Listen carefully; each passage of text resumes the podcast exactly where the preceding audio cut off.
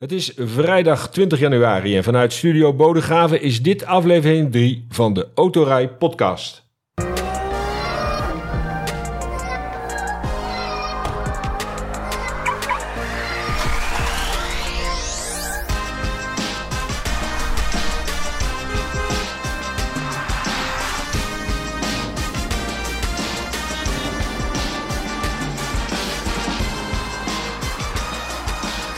De Autorij Podcast is de talkshow over auto's. Auto-nieuws, actualiteit, alles over auto's en mobiliteit.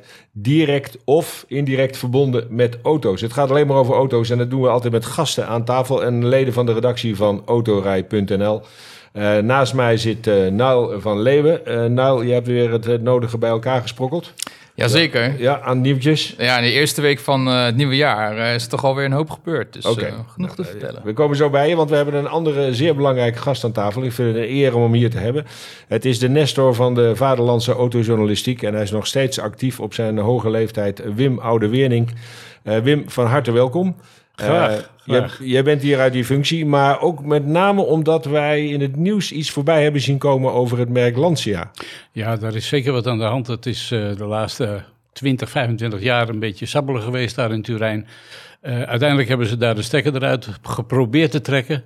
En onder de nieuwe leiding van Stellantis hebben ze gezegd: ja, maar dat kan niet gebeuren. We gaan er gewoon weer een nieuwe start van maken. Niet een doorstart, maar een compleet nieuwe start.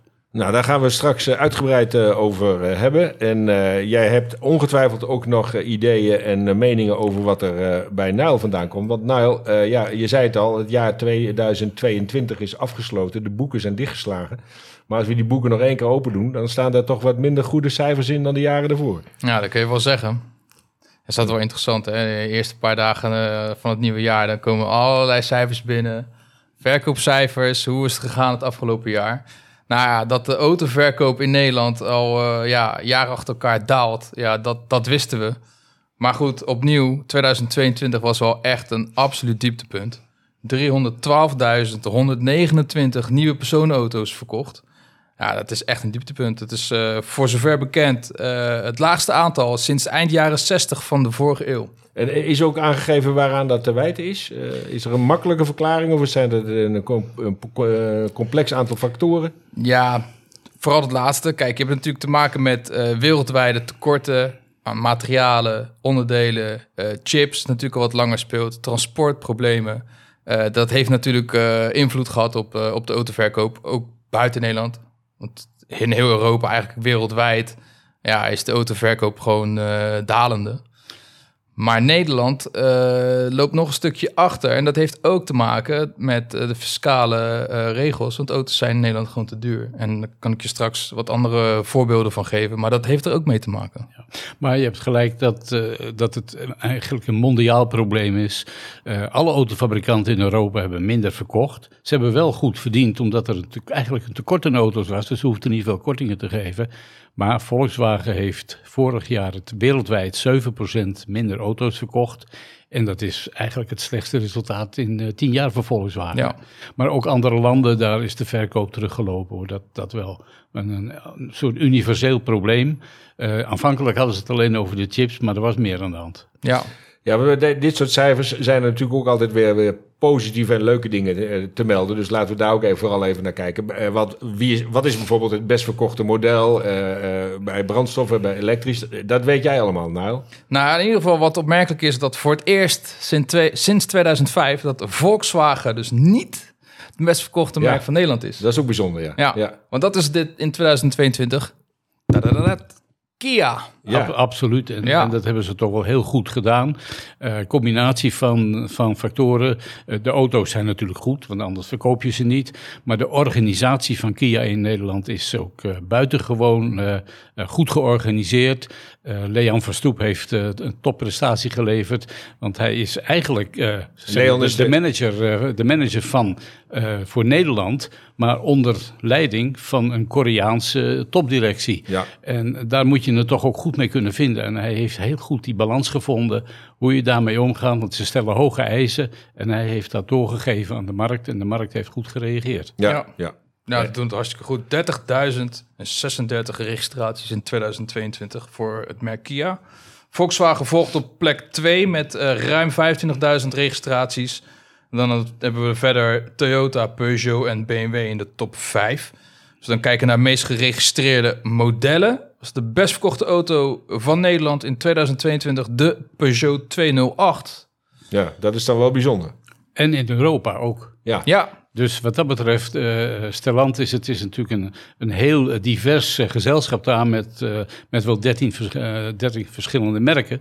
Maar Tavares, Carlos Tavares, de grote baas van uh, Stellantis, heeft dat toch wel allemaal goed verdeeld en goed gepland. En Peugeot is een sterk merk geweest altijd en nog steeds. Het is het op één na oudste merk van de wereld uiteindelijk. Ja, de auto ook trouwens, die 208. Het uh, is toch een auto die echt wel in de smaak valt bij het grote publiek basis van uh, uitstraling, prestaties, prijs. Dat hebben ze weer, weer goed voor elkaar. Ja, maar dat is een auto met brandstofmotor, geen elektrische. Nou, de Peugeot 208 is dus ook leverbaar uh, met volledige elektrische aandrijving. Die cijfers die zijn uh, verwerkt in het totaal.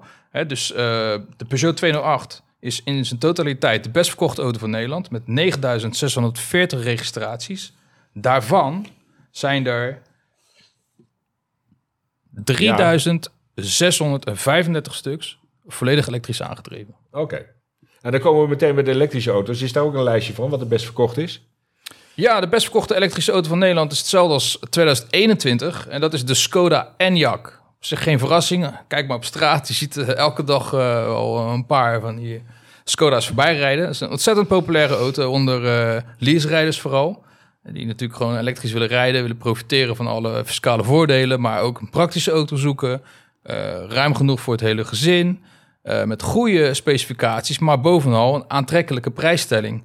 Dat is ook een van de redenen waarom de Skoda Enyaq uh, aanzienlijk populairder is dan bijvoorbeeld de Volkswagen ID4. Dus in feite gewoon dezelfde auto. Maar wat, wat wij een beetje verbaast is als Kia nummer 1 is in Nederland... dat ze niet nummer 1 zijn bij de elektrische auto's. Nee, dat klopt. Dat klopt. De best verkochte elektrische Kia staat op plek 4, dat is de Niro. En dan hebben we een plek 6, de Kia EV6.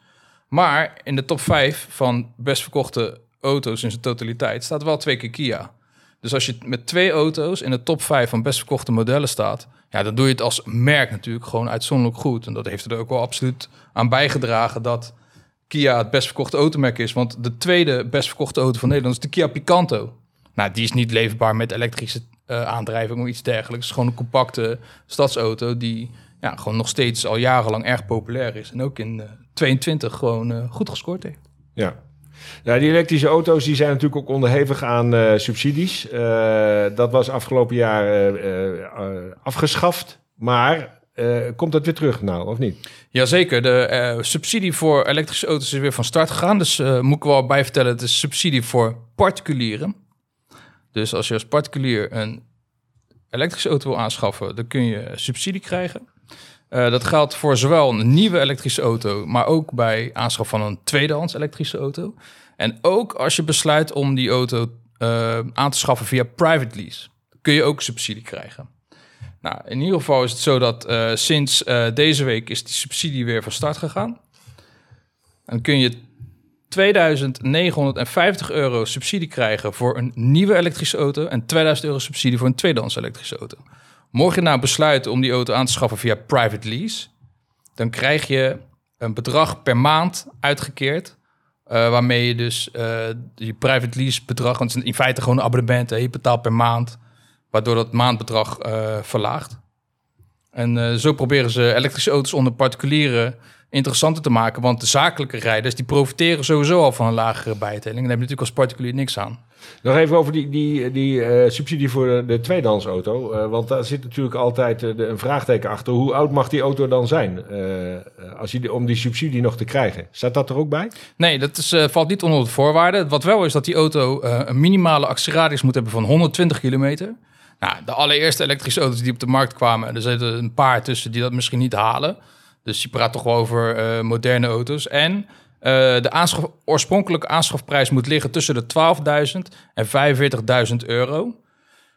Ook moet die auto uh, worden aangeschaft bij een erkend autobedrijf. En hij mag niet achteraf zijn, is, zijn, zijn omgebouwd naar elektrische auto's. Het moet echt een originele elektrische auto zijn. En dat zijn de voorwaarden waar die aan moet voldoen. Voor de rest Ja, en dat geldt alleen voor volledig elektrische uh, Volledig elektrisch. Het geldt niet voor plug-in hybrides of hybride. Gaat echt om... Dat was al zo, ja. Het geldt trouwens officieel ook voor waterstofauto's. Alleen ligt de, de grens bij 45.000 euro. En helaas is die techniek nog, nog, nog te duur... dat er geen, auto, uh, geen waterstofauto uh, onder de 45.000 euro te vinden is. dus. Dat gaat ook voorlopig niet gebeuren, want ik denk dat de hele uh, waterstof, brandstofcel uh, richting ontwikkeling, die gaat toch naar de zware bedrijfswagens voor de lange baan.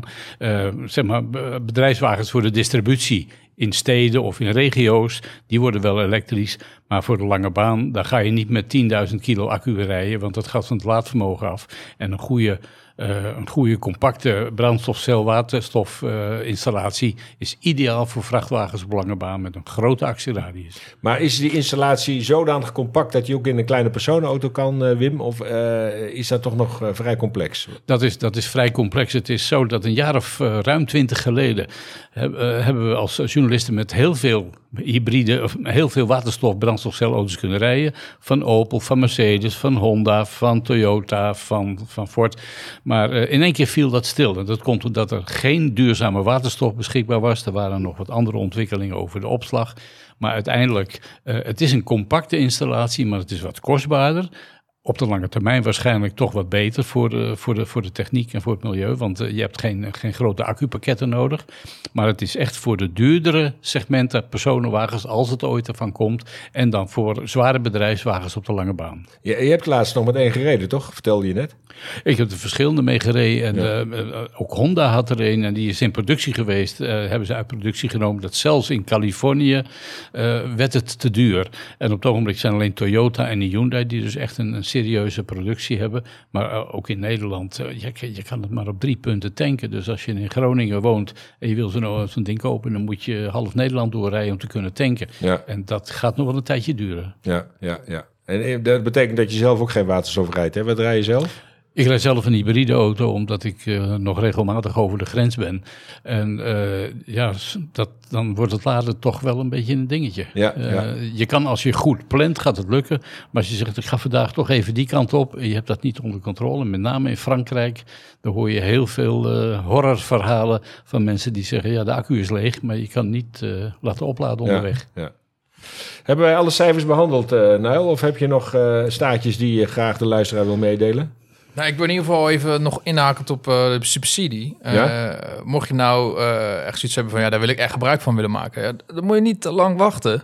Want het is namelijk zo geregeld dat dus namelijk per jaar een, een bepaald subsidiebedrag beschikbaar. En als in dat jaar de subsidie opraakt, ja, dan is het ook gewoon op.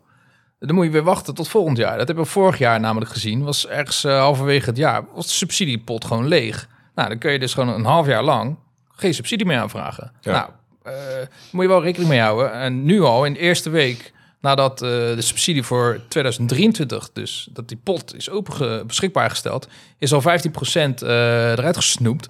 Dus je ziet dat het, ja, het kan best hard gaan. Je moet niet op het laatste moment wachten. Wat wel is, het is geen, geen korting, hè? Het is een extraatje wat je achteraf krijgt.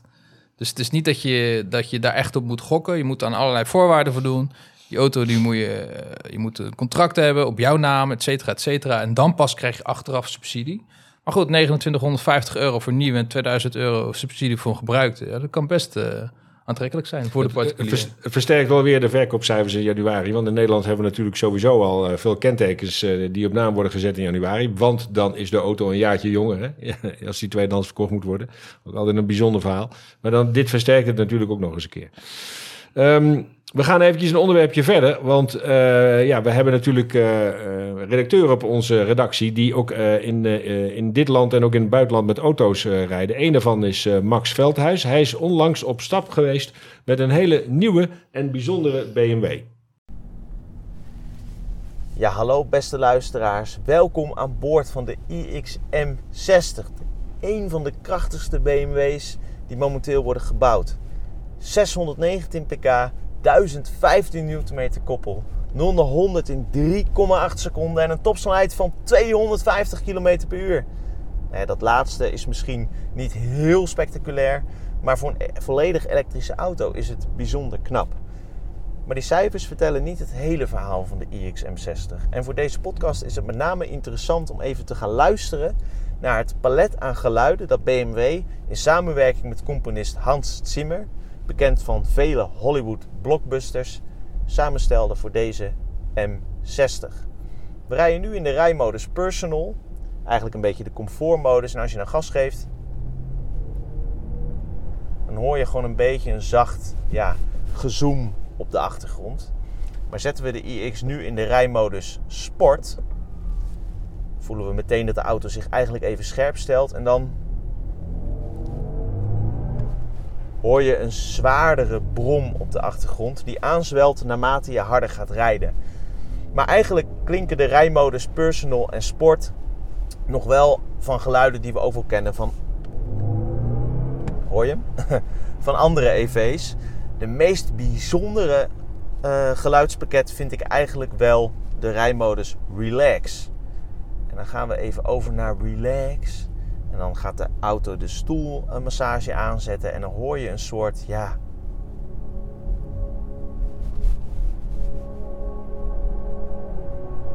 Een soort hoge toon die zo blijft. Een beetje zo'n sluimerend geluid waar je helemaal zen van wordt.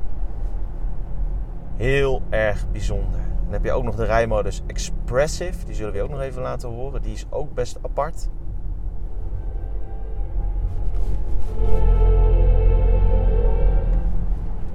En dat geluid wordt dus harder als je harder op het gaspedaal trapt. En wordt dus ook weer anders als je op de rem stapt. Ja, het is misschien niet helemaal hetzelfde als een 4 liter V8. Maar het creëert toch een soort unieke geluidsbeleving die het dan toch wel weer ja, leuk maakt om ook met elektrische auto's onderweg te zijn. Bedankt voor het luisteren en snel weer terug naar de studio. Ja, dit is wel uh, heel bijzonder, hè? Die, die geluidsbeleving, uh, Wim. Zeker bijzonder. Uh, het is zo dat een paar jaar geleden had Peugeot dat voor de GTI, geloof ik, een elektronische geluidsbeleving. En er werd heel veel kritiek op gegeven, maar uiteindelijk is dit toch de toekomst voor, voor elektrische auto's. Overigens vind ik het wel bijzonder dat alles is elektronisch, alles is digitaal. En dan wordt er gesproken over een gaspedaal. Hm. Dat moeten we eigenlijk afschaffen. Stroompedaal. een stroompedaal of een E-pedaal. Ja, E-pedaal, ja. Maar je moet wel oppassen dat je niet in slaap valt, toch? In zo'n uh, relax... Uh, ik wou het net zeggen, want die... Vooral uh, die ja, de hij, massagestand er ook massagestand, bij ja. En hij vertelde het op dusdanige manier dat we hier op bijna begonnen te slapen. Dus ja, nee, dat is, dat is wel heel bijzonder. En dat is pas het begin. Dat is natuurlijk oneindig veel mogelijkheden op dit gebied. Hey, uh, we hebben het uh, over het afgelopen jaar al uh, even gehad. 2022 is afgesloten. En dan is er bij de start van het nieuwe jaar altijd een verkiezing. Die al begint in het oude jaar. Maar de uitslag wordt bekendgemaakt in dit jaar. Want dan gaat het ook over de auto van het jaar 2023. Hè? Dat zeg ik goed, toch? Ja. We hebben in de vorige podcast hadden we de zeven finalisten, de zeven finalisten al even kort aangehaald. nou, een paar dagen geleden ehm, is de winnaar bekendgemaakt. en dat is de Jeep Avenger. Dus bij deze gefeliciteerd Jeep met eh, de allereerste auto van het jaarprijs voor het eh, Amerikaanse automerk. Uh, dus een prijs wordt gezien als de belangrijkste autoprijs in Europa. dit jaar is de winnaar dus gekozen door 59 autojournalisten uit 23 Europese landen. Dus het is wel echt veel mensen die daarbij betrokken zijn. Iedereen geeft zijn mening. Je moet een bepaald aantal punten geven aan auto's. En die auto's worden op allerlei gebieden uh, beoordeeld. Uh, dat is een proces wat al maanden geleden begonnen is. Nou, uiteindelijk hou je dus uh, zeven finalisten over. en in de finale kwam de Jeep Avenger als winnaar uit de bus. Met grote afstand trouwens tot de nummer twee. De tweede was de Volkswagen ID Bus. Dus de, zeg maar de, ja, de moderne interpretatie van de iconische Volkswagen T1. Uh, bus. Maar in ieder geval echt met een grote afstand gewonnen. Het de eerste Jeep die 100 elektrisch is aangedreven. Het is ook de eerste Jeep die in Europa voor Europa is ontwikkeld. En het is ook de kleinste Jeep ooit. Ja, het is een compacte hoe ziet hij er ongeveer uit voor de luisteraars, want die hem nog niet kennen? Het is een compacte SUV. Het is een auto in het B-segment. Het is, ja, het, is geen grote auto. Uh, hij maakt gebruik van dezelfde techniek als bijvoorbeeld Opel Mokka, de Peugeot 2008. Dus zeg maar het onderstel en die, die aandrijflijn met die batterij in het midden en, en dergelijke, dat is in feite hetzelfde. Komt ook omdat Jeep, Peugeot en Opel uh, vallen allemaal onder hetzelfde Stellantis concern. Maar goed, het is wel een auto met echt wel uh, een heel eigen karakter. Met typische Jeep-kenmerken. Je ziet het al op grote afstand, zeker die grill. Dat het gewoon een echte Jeep is. Ik heb er zelf nog niet mee gereden. Maar het feit dat deze auto door, um, moet ik het even goed zeggen, door 21 juryleden van de 59, dus als absolute favoriet is uh, gekozen. Nou, dat zegt toch wel genoeg over deze helft. auto. Ja. ja, dat is bijna de helft. Een goede winnaar, Wim?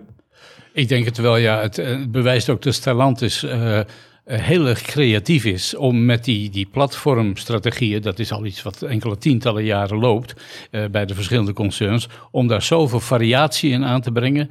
Uh, niet alleen met het design, want die Jeep ziet er totaal anders uit dan die Mokka natuurlijk. Maar ook met, uh, met de beleving, met het rijden ermee, uh, ja. met aandrijfsystemen, met, met de interieurs. Uh, je ziet ook die verschillen tussen de Opel Astra en een, en een Peugeot 3000, 3008 of 308. Die zijn totaal verschillend om te zien en te rijden. Maar onderstellen zijn redelijk hetzelfde, vooral de aandrijfsystemen. Ja, ja. Overigens, die, die auto van het jaarverkiezing, ik wil het toch nog wel een keer zeggen. Er zijn er heel veel in de wereld geweest de laatste tientallen jaren. Maar het is toch een Fred van de Vlucht zijn idee geweest in 1963 ja. met Autovisie. Dat, ja. Uh, ja. dat wordt wel eens vergeten. Maar uh, daar is de, de, de, basis gelegd voor de Wereldauto van het jaarverkiezing. Ja, ja Jacob Bijlsma had het er nog over in zijn column in de Telegraaf uh, afgelopen vrijdag. dat er heel veel verkiezingen destijds waren. En dat Fred van de Vlucht dacht van, ja, maar ik ga het bundelen. Ik maak er één van. En met naam en faam voor heel Europa. Dus dat is heel mooi. Nou, laten we eerlijk zijn. Als je 59 experts bij elkaar kunt sprokkelen dan heb je er wel zeg maar, een, een, een zodanige basis dat je ook wel. Uh, ja, dat zo'n verkiezing ook echt wel waarde krijgt. Weet je, het zijn er niet een paar die, die een winnaar kiezen. Het zijn wel echt veel mensen uit allerlei verschillende landen met verschillende ideeën. En elk land heeft natuurlijk een beetje zijn eigen automarkt.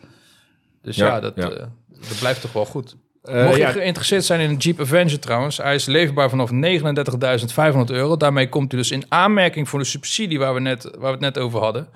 Uh, ja. Als je alles wil weten over die auto, ja, lees het op autorij.nl. Ja, ja, ja, maar je hebt er geen nadelen in, toch? Want je bent hem nu wel heel erg aan het promoten, Nile. Nee, nou goed. Uh, we doen het eenmalig. De winnaar van de, van de prestigieuze auto van het jaarverkiezing. Ja, dan houden we ja, er nu over op. Dan houden we er nu over op, want dit is natuurlijk weer een, een mooi jubelverhaal. Maar er zijn ook andere verhalen in Autoland. Die zijn wat minder uh, jubelend. En dan uh, kom je al uh, heel snel bij Tesla. Uh, want Tesla, ja, dat was uh, jaren geleden. Dan moest je erbij horen en dan moest je een Tesla hebben. Maar dat gaat niet zo goed. Uh, Wim, jij weet er ook meer van. Nee, dat, het, het, komt allemaal samen op het ogenblik dat de wet van de remmende voorsprong nu wel erg van toepassing is. het begon kort geleden dat Elon Musk een groot deel van zijn aandelen, enkele honderden miljoenen dollars, heeft verkocht en op de markt heeft gegooid. En dat heeft de aandeelhouders nou niet bepaald geplezierd. En de, de, de koers, de beurswaarde is dus behoorlijk uh, ingezakt, tientallen procenten. Uh, de verkoop in Amerika uh, die is vorig jaar wel goed gegaan. Het was het meest verkochte merk in het premium, het luxe segment. Maar de elektrificatie van het wagenpark in Amerika aan de, zowel de west- als de oostkust, die gaat erg snel nog wel sneller misschien dan in Europa. Natuurlijk in Texas, uh, in, in, de, in, de, in, de, in de middengedeelte, daar worden niet zoveel elektrische auto's verkocht door de afstanden. Maar in de stedelijke agglomeraties wel. Dus daar gaat de verkoop de laatste tijd wat minder. Ze moeten misschien zelfs mensen ontslaan. In Europa deed Tesla dit afgelopen jaar heel erg goed. Maar dat loopt nu ook terug. En met name in Nederland. En Nederland was natuurlijk een gidsland voor Tesla. Uh, en, uh, duizenden auto's per jaar opgegeven, meer dan 10.000. En nu zijn het er uh, maar 4.000. maar dat gaat nu in de rest van Europa ook wel gebeuren. Want de hele Europese auto-industrie, elk concern heeft wel meer dan één elektrisch model in de aanbieding. En dan gaat de concurrentie komen. Hm. Tesla heeft daarom ook besloten de Europese prijzen met 20% te verlagen. Tegelijkertijd is er onrust uh, over de uh, arbeidstijden en andere CAO-voorwaarden in Duitsland. Dus dat zit daar ook niet lekker. En dan in China. Daar hebben ze de prijzen ook moeten verlagen, omdat de verkoop wat uh, terugloopt. En daar is dan weer een grote onrust ontstaan onder kopers die een paar weken geleden de volle prijs hebben betaald en nu ineens zien dat de buurman voor 20% minder. Uh, dus Musk heeft wel wat uh, teweeggebracht. Uh, teweeggebracht en een andere managementmissie dan dat hij tot voor kort had. Het zijn ook geen misselijke prijsdalingen. Hè? Als je even kijkt naar Nederland, ja. dan is de Tesla Model Y, uh, dan even, als ik me dan even beperk tot de long range uh, uitvoering, die is 12.000 euro in prijs gedaald. Ja, 12.000 ja. euro.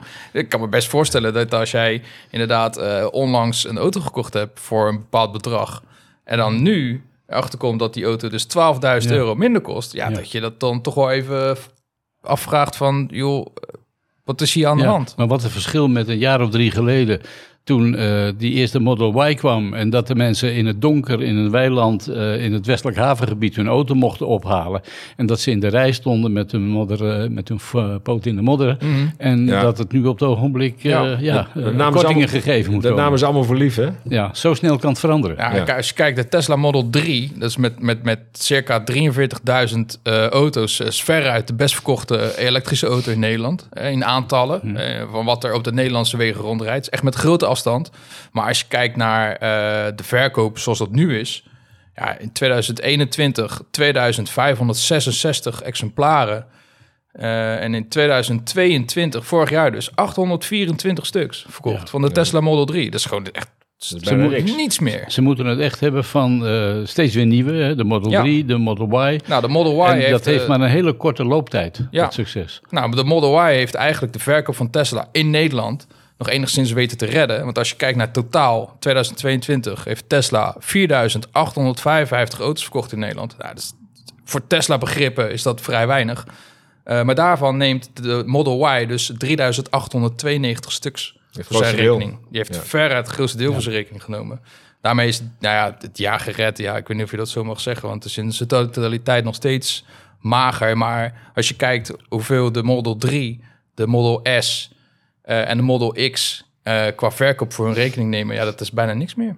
En komt uh, Tesla nog met nieuwe modellen of uh, moeten ze dan hiermee redden en, en gaat het nog verder naar beneden? Nou, hij heeft een paar jaar geleden die hele spectaculaire uh, pick-up gelanceerd, die hele hoekig gelijnde pick-up in Amerika. En die zou het moeten doen, maar daar zit ook vertraging in. Ik denk ja. dat dat ook een, een, van de redenen is waarom Tesla in de fase is beland waar, waar, het, zich nu, waar het nu in zit.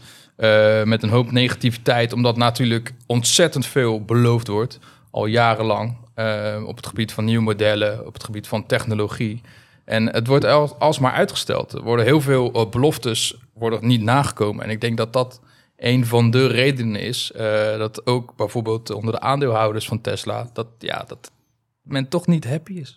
Ja, maar ze hebben bijvoorbeeld ook, ook een, een strategie gehad een tijd dat je alleen een witte of een zwarte kon kopen. Ja, bij de ja. gratie van... Uh, hè, mocht je dan uit de tijd ja. van uh, Ford, hè? Ja, ja. en uh, dat, dat, dat is natuurlijk niet meer waar te maken. En bovendien, ja, hun, hun distributieapparaat en hun serviceapparaat is natuurlijk heel, heel weinig transparant. Volkswagen en Stellantis en Renault en, en Nissan, ze hebben allemaal een dealerapparaat waar je terecht kan.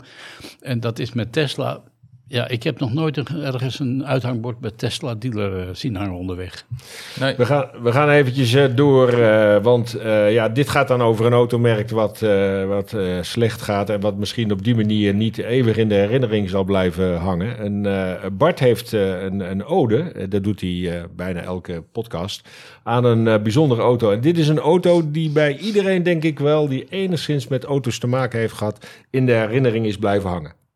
Deze keer gaan we het hebben over de Fiat Multipla. Een auto die bij iedereen op het netvlies staat gebrand als de lelijkste auto ooit. Maar is dat wel terecht? Vraag het aan een willekeurig iemand op straat.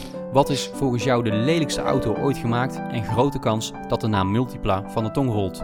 Het lijkt een ingebakken antwoord, terwijl ze waarschijnlijk nog nooit van een Pontiac Aztek of Sangyong Rodius met beroemde dakkapel hebben gehoord.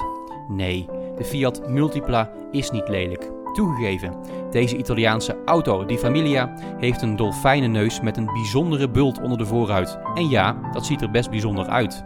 Maar is het dan direct een reden om deze auto uit te roepen tot de lelijkste auto ooit? Nee, wat mij betreft niet. De Multipla is een ongepolijste diamant. Hij rijdt namelijk fantastisch dankzij een bijzonder fijn onderstel. En wie wil er nu niet met drie personen voorin zitten? Het kan in de Multipla. De Multipla is niet lelijk. Het is een auto met karakter. Ben je het eens met hem, uh, Wim?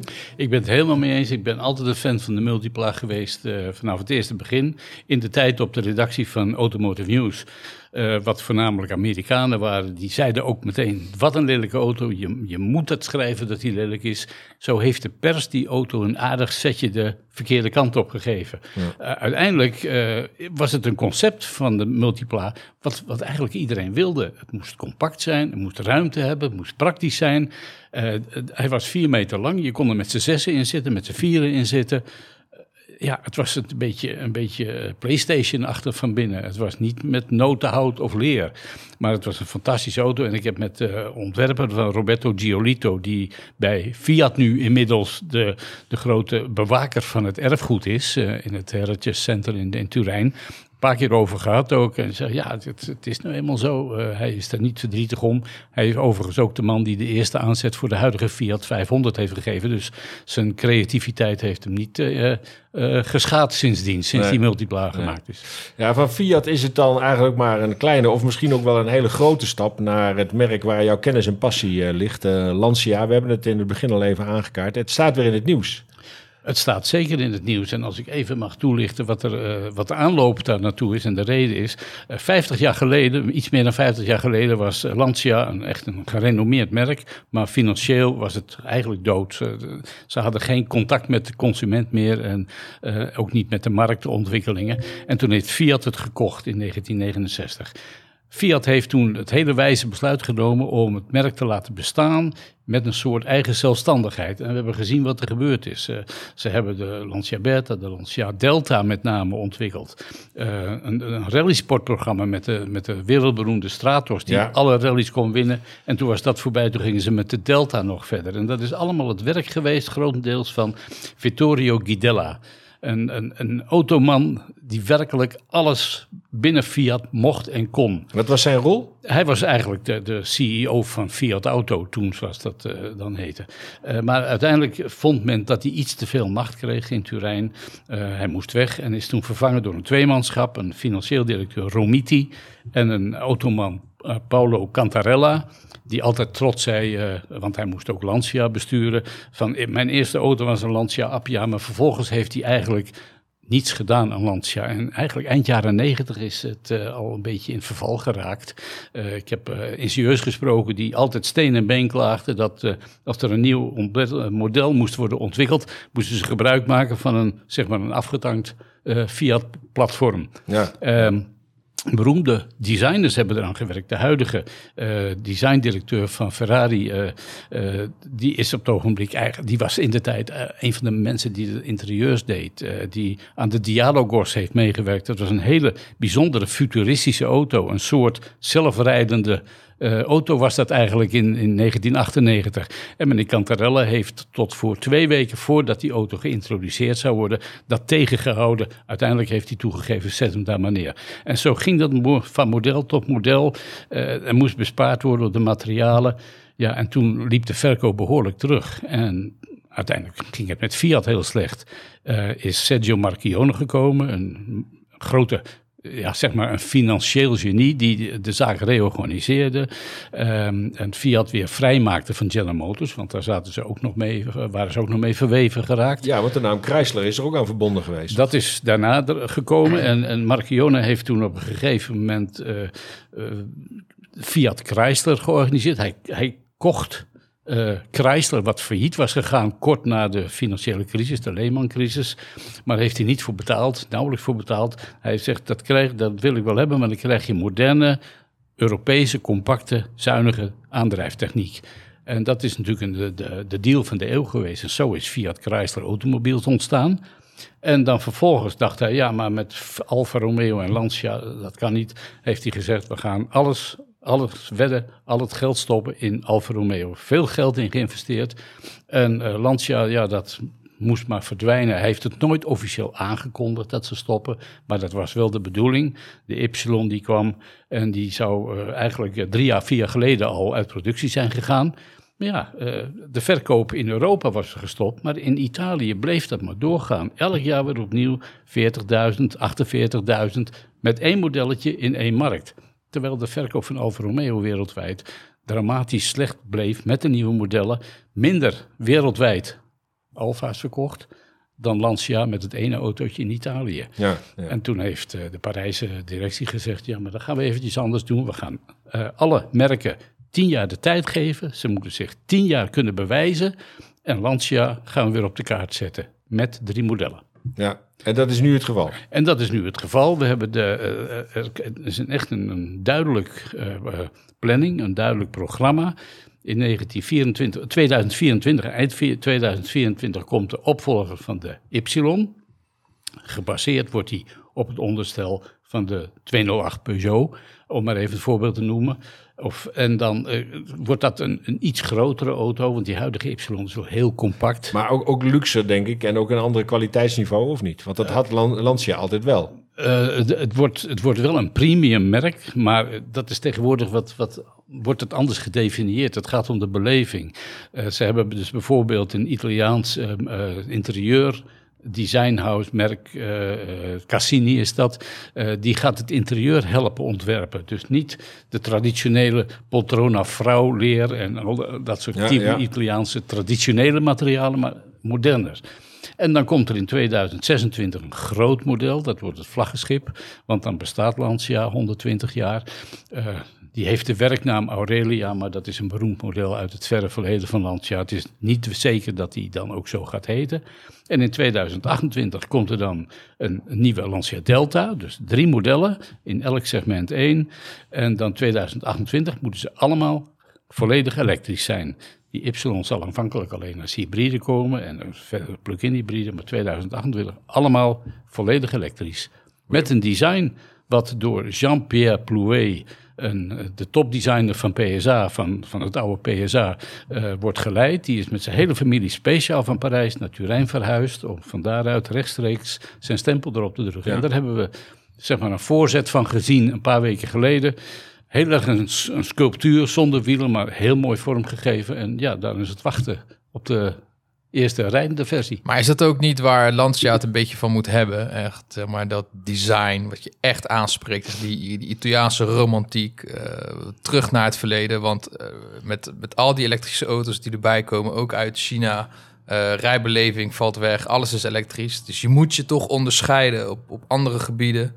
Is dat Ze gaan... vooral op het gebied van design? Vooral op het gebied van design, en, maar ook, ook ja, van, de, van de beleving, een Italiaanse beleving. Maar ze willen niet te veel teruggrijpen op dat verleden, dat het altijd uh, roemrijk was en races en wat dan ook. Want de tijd is voorbij. Ja. Uh, ze gaan ook echt niet meer rally rijden. Maar de Delta had je als integrale met vierwielaandrijving. Nou, heel veel elektrische auto's hebben vierwielaandrijving. En uh, Luca Napolitana, de nieuwe directeur van Lancia, heeft ook gezegd: ja, natuurlijk, als we vierwielaandrijving hebben, dan komt de Delta, die gaan we ook integrale noemen. Ja, tuurlijk. Ik bedoel, een beetje inspelen, de, ja. de krenten uit het verleden. Mm in de pap stoppen, ja. maar wel moderne auto's bouwen. Nou, klinkt goed. Mooi uh, dat zo'n merk dan op deze manier uh, weer terugkomt, uh, Wim. dank in ieder geval voor je uitgebreide uiteenzetting over het mooie Italiaanse merk Lancia. We komen een beetje richting het einde van deze podcast. En dan hebben we altijd nog onze 30 seconds, zoals dat zo mooi in het Nederlands heet. In een halve minuut wordt er een auto beschreven. In dit geval doet Bart dat weer, Bart Oosvogels. En hij noemt geen merk, geen model, geen land van herkomst en nog wat andere feiten. En u mag raden welke auto dat is. Je houdt van anders. En lekker fris. Het is een auto waar ook pit in zit. Ja, en je hebt ook wel wat uit te leggen. Het is geen SUV en ook geen crossover. In het land van herkomst is stokbrood heel geliefd. Stekkeren kan ook. En van een beetje offroad rijden is hij niet vies. En ik denk dat Paul de Leeuw er ook wel warm van wordt. Ja, mooie aanwijzingen. Uh, dat stokbrood, dat zet me wel aan het denken, Naal. Uh, jij weet natuurlijk al welke het is, want jij zit op de redactie. Maar als u het goede antwoord weet, stuur het dan naar podcast.autorij.nl. En dan zijn we benieuwd of u daar op kunt komen welke auto Bart beschreef. Dit was het voor nu. Wim, Oude Weerding, nogmaals dank voor je aanwezigheid hier in, uh, in onze studio in Bodegraven. Nuil, jij ook weer bedankt. Nuil van Leeuwen. Graag gedaan. Met uh, alle kennis en kunde van uh, de redactie van autorij.nl. Volg ons op de site met dat adres op Facebook, Instagram, Instagram en YouTube. Of laat een review achter op je favoriete podcast app. Mail je vragen en opmerkingen naar ons mailadres podcast.autorij.nl. En ja, dit was het voor nu. Tot de volgende aflevering. Rij veilig en geniet van al het moois op de weg.